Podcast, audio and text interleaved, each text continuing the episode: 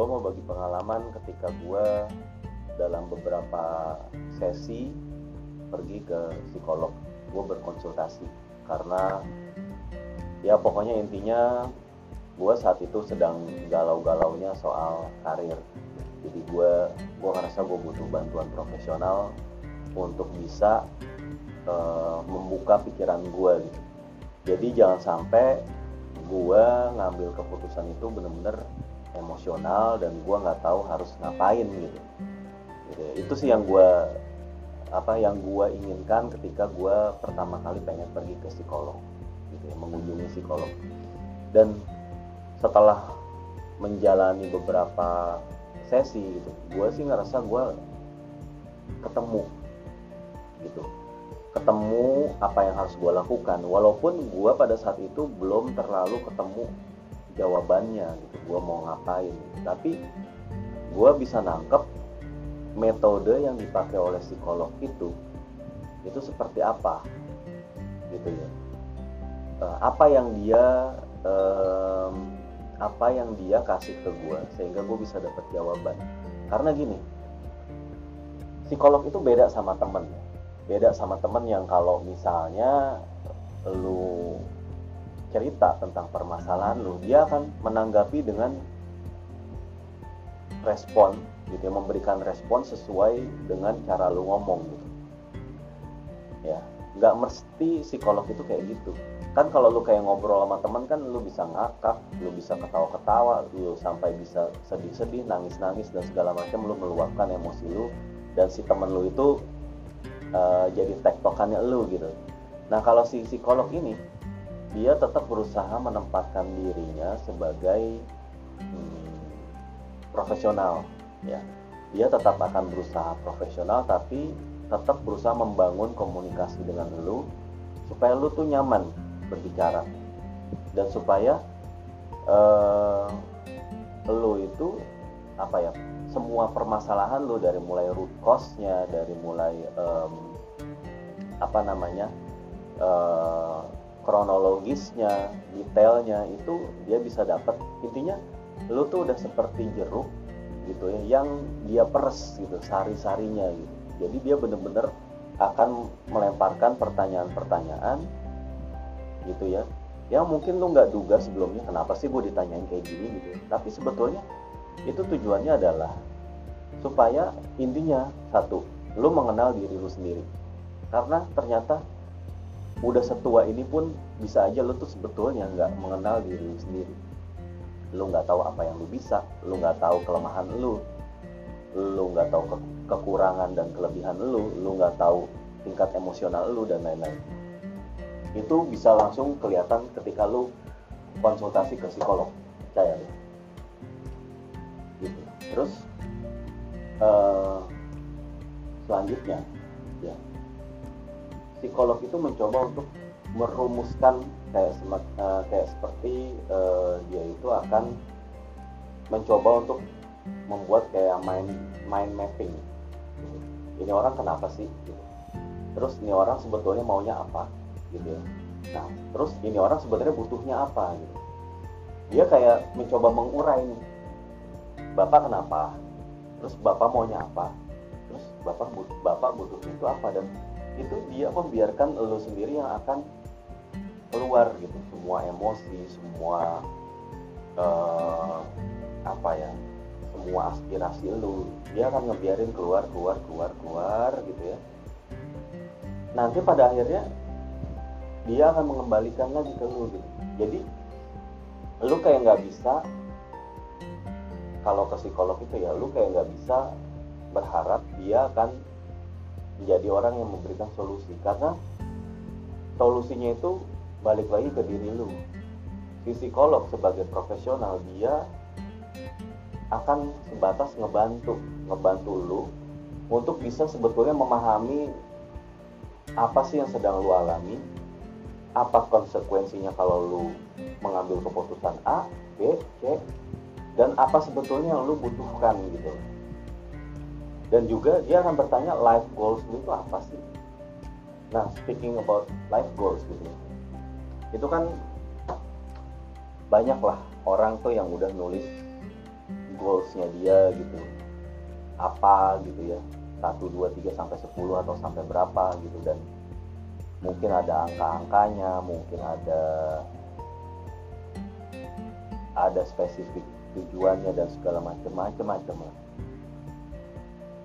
gitu.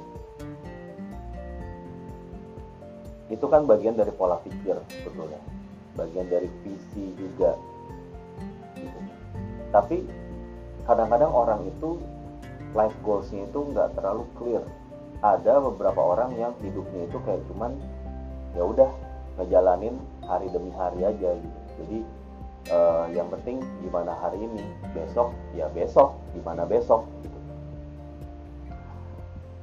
emang sebetulnya nggak salah-salah banget lu punya prinsip kayak gitu. Cuman yang jadi masalah adalah ketika lu menerapkan prinsip itu ke kemudian uh, lu gagal gitu dan lu nggak punya persiapan yang cukup yang ada nanti lu akan jadi beban buat orang lain beban buat anak lu beban buat saudara-saudara lu orang tua lu dan lain-lain.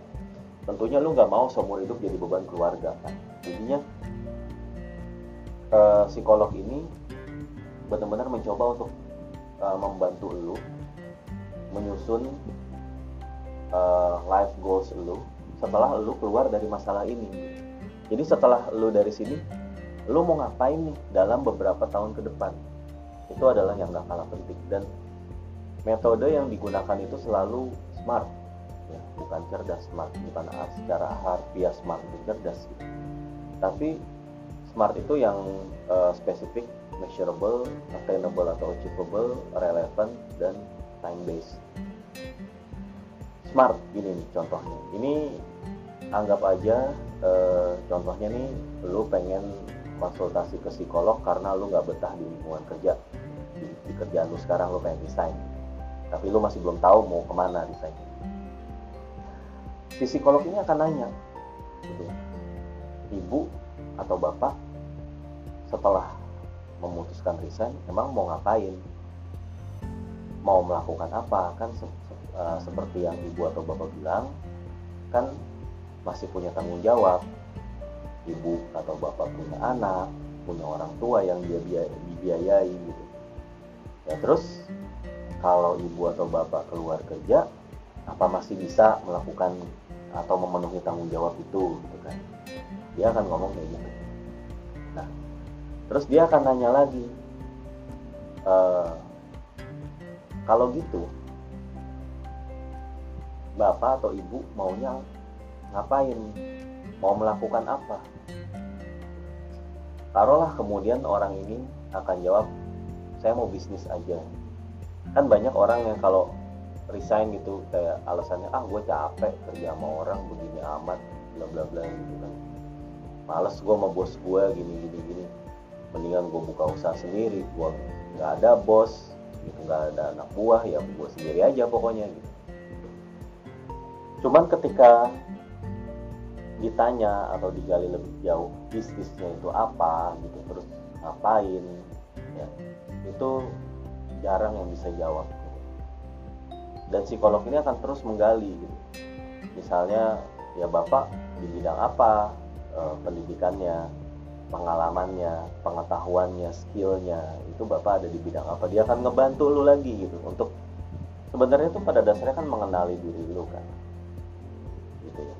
Misalnya nih ternyata selain lu bekerja sebagai karyawan divisi marketing misalnya lu ternyata orang yang suka masak dan uh, masakan lu tuh lumayan enak lah. Jadilah kemudian lu terpikir gini oke okay deh. Oh iya bu saya ternyata suka masak jadi saya akan bisnis kuliner aja. Nah terus lu akan ditanya lagi semakin spesifik kuliner kuliner yang seperti apa? Kan dia akan ditanya. Mau kuliner yang apakah mau yang fine dining apakah yang e, menengah ke atas menengah menengah ke bawah atau kaki lima? Itu lu, lu harus jelas harus spesifik banget. Apa gitu terus bahkan sampai ke menunya apa? Yang jadi lu andelin tuh menunya apa? Apa lu mau bubur ayam? Apa nasi goreng? Ketoprak nasi uduk gado-gado? Apa? Kuliner apa nih? Gitu. jangan kayak lu cuman ya gue pengen bisnis bisnis kuliner. Tapi udah stop. Lu stop berpikir lalu kemudian lu resign. Nah di hari pertama lu tanpa pekerjaan lu bingung gitu. Aduh gue mau ngapain ya masih belum kepikir dan akhirnya lu malah jadi buang-buang waktu. Nah itulah yang nggak diinginkan terjadi ketika lu konsultasi ke psikolog. Psikolog itu akan uh, mengarahkan lu supaya lu tuh nggak jadi headless chicken nggak jadi kayak orang yang tanpa rencana gitu. Pokoknya segala sesuatu tuh harus lu ukur lu rencanain gitu dengan baik dengan spesifik. Ya. itu kan eh, tadi spesifik ya oke lah ternyata lu udah ketemu. Saya mau bikin bubur ayam aja karena selain saya suka makan bubur ayam saya juga ternyata lumayan jago bikin bubur ayam. Saya udah pernah nyoba beberapa kali di keluarga saya itu mereka pada suka sama bubur ayam saya. Bahkan beberapa tetangga juga suka. Pas udah saya kasih tester. Ya mungkin karena pas dikasih tester nggak disuruh bayar pas disuruh bayar mereka nggak suka. Nah terus uh, oke okay, udah ketemu nih jadinya. Bubur ayam gitu ya. Bubur ayam uh, Bang Anu bubur ayam Mas ini bubur ayam Pak ini apalah dinamain. Terus komponen yang kedua adalah measurable gitu. lu mau buka bubur ayam ini uh, harus bisa diukur dari angka gitu ya. Modal lu berapa? Gitu. Lu udah punya modal berapa nih? Apakah dengan modal yang lu punya ya atau nggak usah modal yang lu punya lah. Misalnya lu lu mau ngajuin kredit ke bank gitu atau ke lembaga keuangan gitu ya. Apakah dengan modal yang lu punya misalnya sekian puluh juta lu punya kumpulin modal gitu ya lu mau bikin model bisnis yang kayak gimana? Apakah bubur gerobak yang lu jalan keliling komplek atau keliling kampung? Atau lu mau mangkal di suatu tempat di pinggir jalan atau atau di pinggir di apa emperan toko? Atau lu mau buka toko sendiri jadi lu sewa ruko atau apa? Lu buka usaha di situ? Atau online aja gitu. Zaman sekarang kan bisa online gitu. Jadi berdasarkan pesanan mau kayak gimana gitu. dan yang lu expect gitu ya mulai berbicara angka nih yang lu harapkan uh, lu itu mau penjualan lu berapa sehari gitu. Atau sebulan berapa gitu. Oke saya mau buka bubur ayam ya targetnya uh, dalam waktu ini ya dia akan nulis nih goalsnya nih. Oke goals dalam 10 tahun ke depan ya. Dia akan ngasih kertas nih goals lo nih sehubungan dengan gerobak bubur ayam.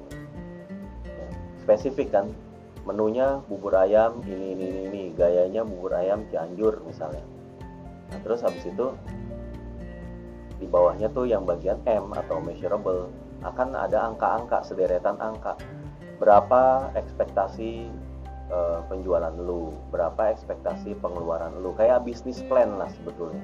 Terus dalam waktu 10 tahun ini lu pengen punya berapa pegawai, lu pengen punya berapa cabang dan lain-lain. Itu namanya measurable. Ketiga attainable atau achievable. Ya.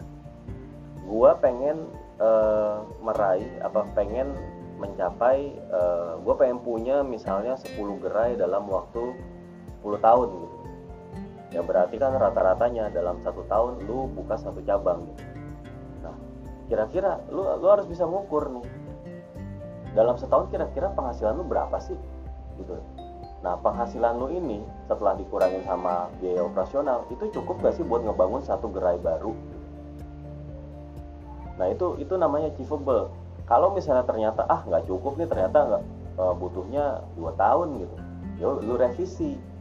Ya berarti dalam waktu 10 tahun lu akan buka 5 cabang. Yang gitu-gitu loh. Lu akan diarahin kayak gitu. Ya. Terus kemudian relevan nah tadi relevan sih itu sebetulnya udah ya itu udah tadi relevan karena relevansinya adalah lu suka masak dan lu jago masak gitu. kalau lu misalnya cuman punya angan-angan pengen usaha kuliner tapi ditanya lu jago masak atau enggak? Enggak. Ya udah ntar gue nyari koki yang lain. Nah, itu sangat nggak nggak disarankan. Jadi kalau misalnya lu buka usaha kuliner tapi bukan lu yang megang hands on langsung itu menurut gue susah. Bukan yang susah sih. Jadi rules general rules gitu ya ketika lu pengen membuka satu bisnis itu lu harus punya knowledge di bisnis itu. Kalau bisa lu punya skill di bisnis itu. Karena kalau enggak ya lu itu akan dimanfaatin orang dan bahkan ekstrimnya lu bisa ditipu sama orang itu dialami oleh temen gue yang ada contohnya dia buka usaha barbershop tapi dia nggak punya pengetahuan dalam dunia cukur mencukur dia nggak bisa nyukur rambut nggak punya skill. Uh, dia cuma punya tempat gitu ya dan dia nyediain alat-alat. Tapi dia akhirnya mengandalkan orang untuk jadi barbernya di situ gitu. dan akhirnya karena orang tersebut itu ngerasa diandelin dan lain-lain gitu akhirnya orang itu jadi kayak semena-mena dan ngerasa untouchable dan akhirnya seenaknya. Dan akhirnya bisnisnya jadi gagal. Gitu loh. Ya. Jadi usahakan adalah apa yang lo buat bisnis yang lo mau buat itu relevan. Lo punya skill yang dibutuhin gitu ya. Di samping lo punya modal lo punya skill lo punya experience gitu ya. Dan lo itu nggak segitu nggak nggak begitu aja mempercayakan kepada orang lain terhadap day to day-nya gitu. Kalau itu yang lo lakukan itu bisnis tuh paling cuma bertahan berapa bulan. Jadi relevansi itu sangat penting. Gitu. dan terakhir time base. Tadi ditentuin kan ini dalam waktu 10 tahun nih. Jadi yang namanya goals itu harus ada waktu.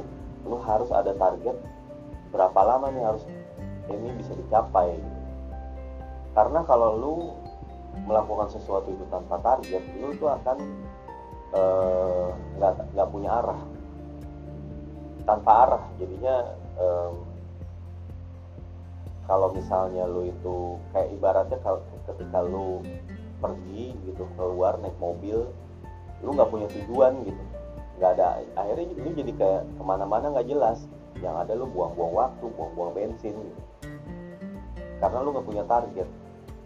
Target yang bisa diukur dengan waktu. Gitu berapa lama. Gitu. jadi emang ketika lu pergi ke psikolog lu nggak nggak akan mendapatkan suasana yang friendly. Ya mungkin tergantung nggak ya dari psikolog masing-masing sih. Kan psikolog juga macam-macam ya. Ada yang modelannya rame orangnya gitu. Ada yang orangnya lebih kalem.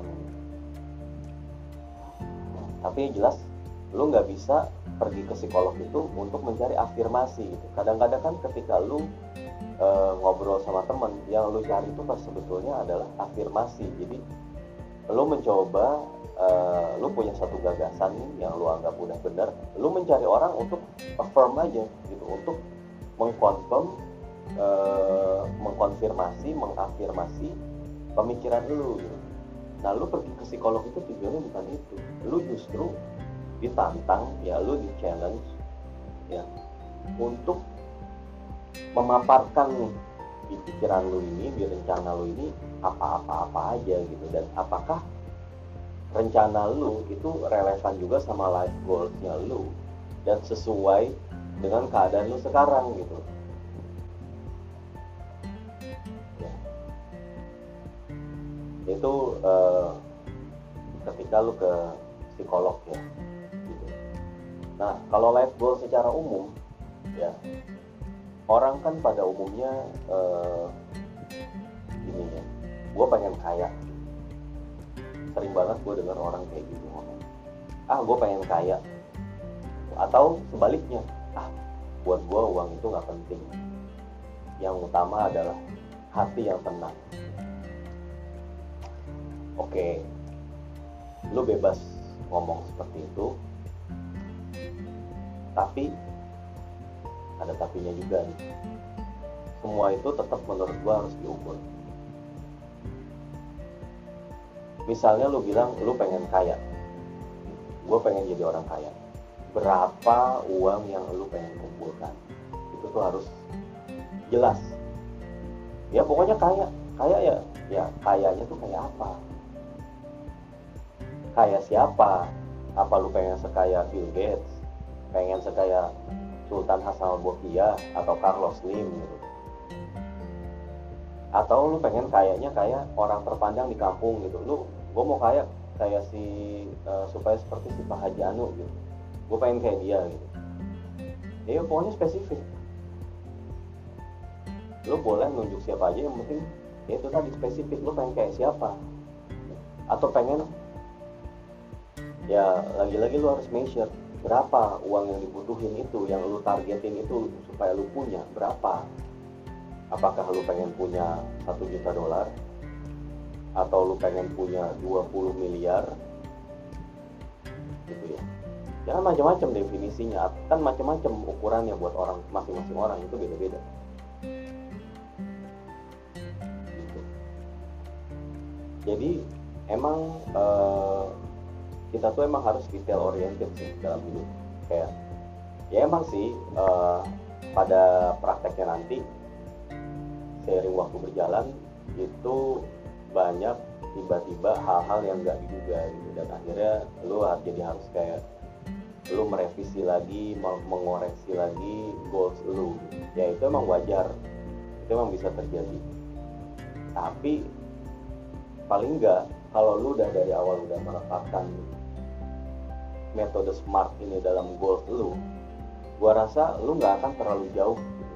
nggak akan terlalu drifting atau terlalu uh, nyasar terlalu jauh dari apa yang udah lu rencanakan. Ya ini dengan catatan semua uh, metode smart ini udah lu apply gitu ya.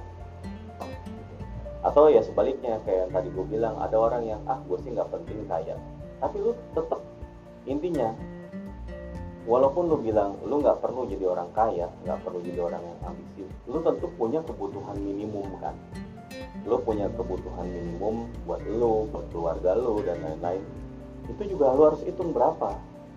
Seenggak ambisius nggak ambisiusnya lo lo tetap harus ngitung. Ternyata lo harus ngitung. Lo butuhnya berapa? Nah dari situlah baru lo kayak bisa oh ya udah ya udah gue tetap kerja di sini aja deh. Atau ternyata misalnya lo ngerasa oh, kurang gue harus pindah kerja. Ah masih kurang juga. Nih kayaknya gue harus punya kerjaan sampingan.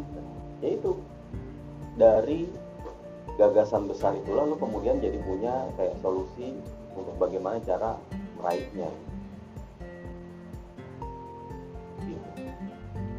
Atau misalnya lu punya goals 1 sampai 5 gitu misalnya tadi tujuan tujuan goals pertama lu pengen ya ini dalam waktu 10 tahun ya lu pengen punya tabungan satu miliar misalnya gitu oke okay.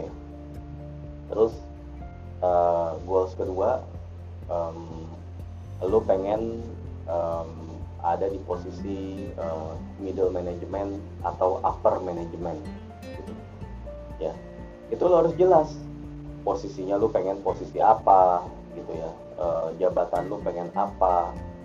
Jadi lu bisa termotivasi terpacu. Lu harus jelas dalam waktu berapa tahun nih? Misalnya lu baru kerja terus lu dalam waktu 10 tahun lu pengen jadi manajer. Ya nggak apa-apa lu tulis di situ. 10 tahun jadi manajer. 10 tahun punya uang satu miliar. Itu kan achievable. Nah terus ketiga misalnya. 10 tahun lu punya rumah sendiri 10 tahun lu punya mobil sendiri terus 10 tahun lu udah menikah gitu dalam waktu 10 tahun lu menikah.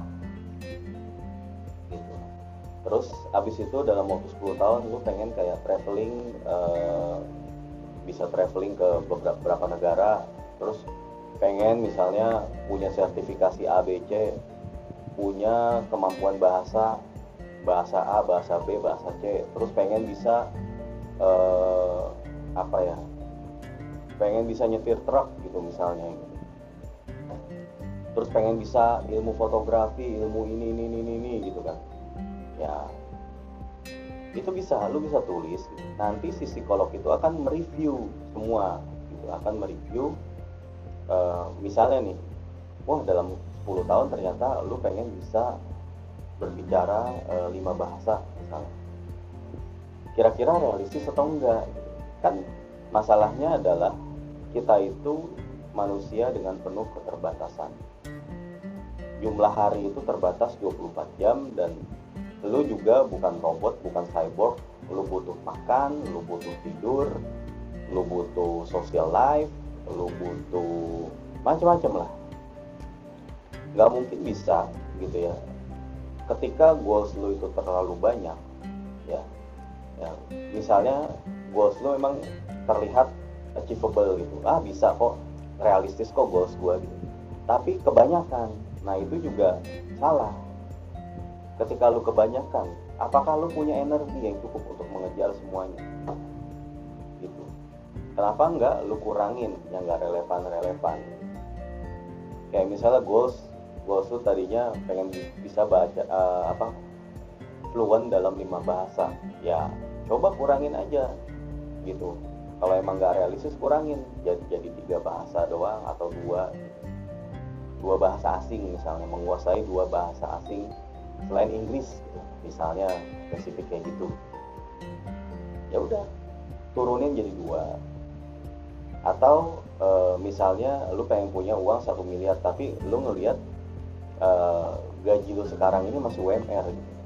itu menurut gua gini ya lu akan lebih mudah mengumpulkan uang satu miliar ketika dalam kondisi start ini lu udah punya uang 100 juta gitu. Lu udah punya tabungan 100 juta. Jadi emang untuk dalam menyusun angka-angka yang measurable itu lu harus tempatkan sisi realistis lu juga. Saat ini lu punya tabungan berapa? Jangan saat ini lu baru punya tabungan 300 ribu tapi target lu lu pengen punya uang satu miliar dalam 10 tahun gitu. Ya kira-kira memungkinkan kan kan memungkinkan apa enggak kan lu tahu di perusahaan lu eh, ternyata gaji manajer itu sebulan berapa gitu. Dari gaji manajer itu misalnya 25 juta lu bisa nabung berapa sebulan gitu. misalnya bisa nabung 5 juta.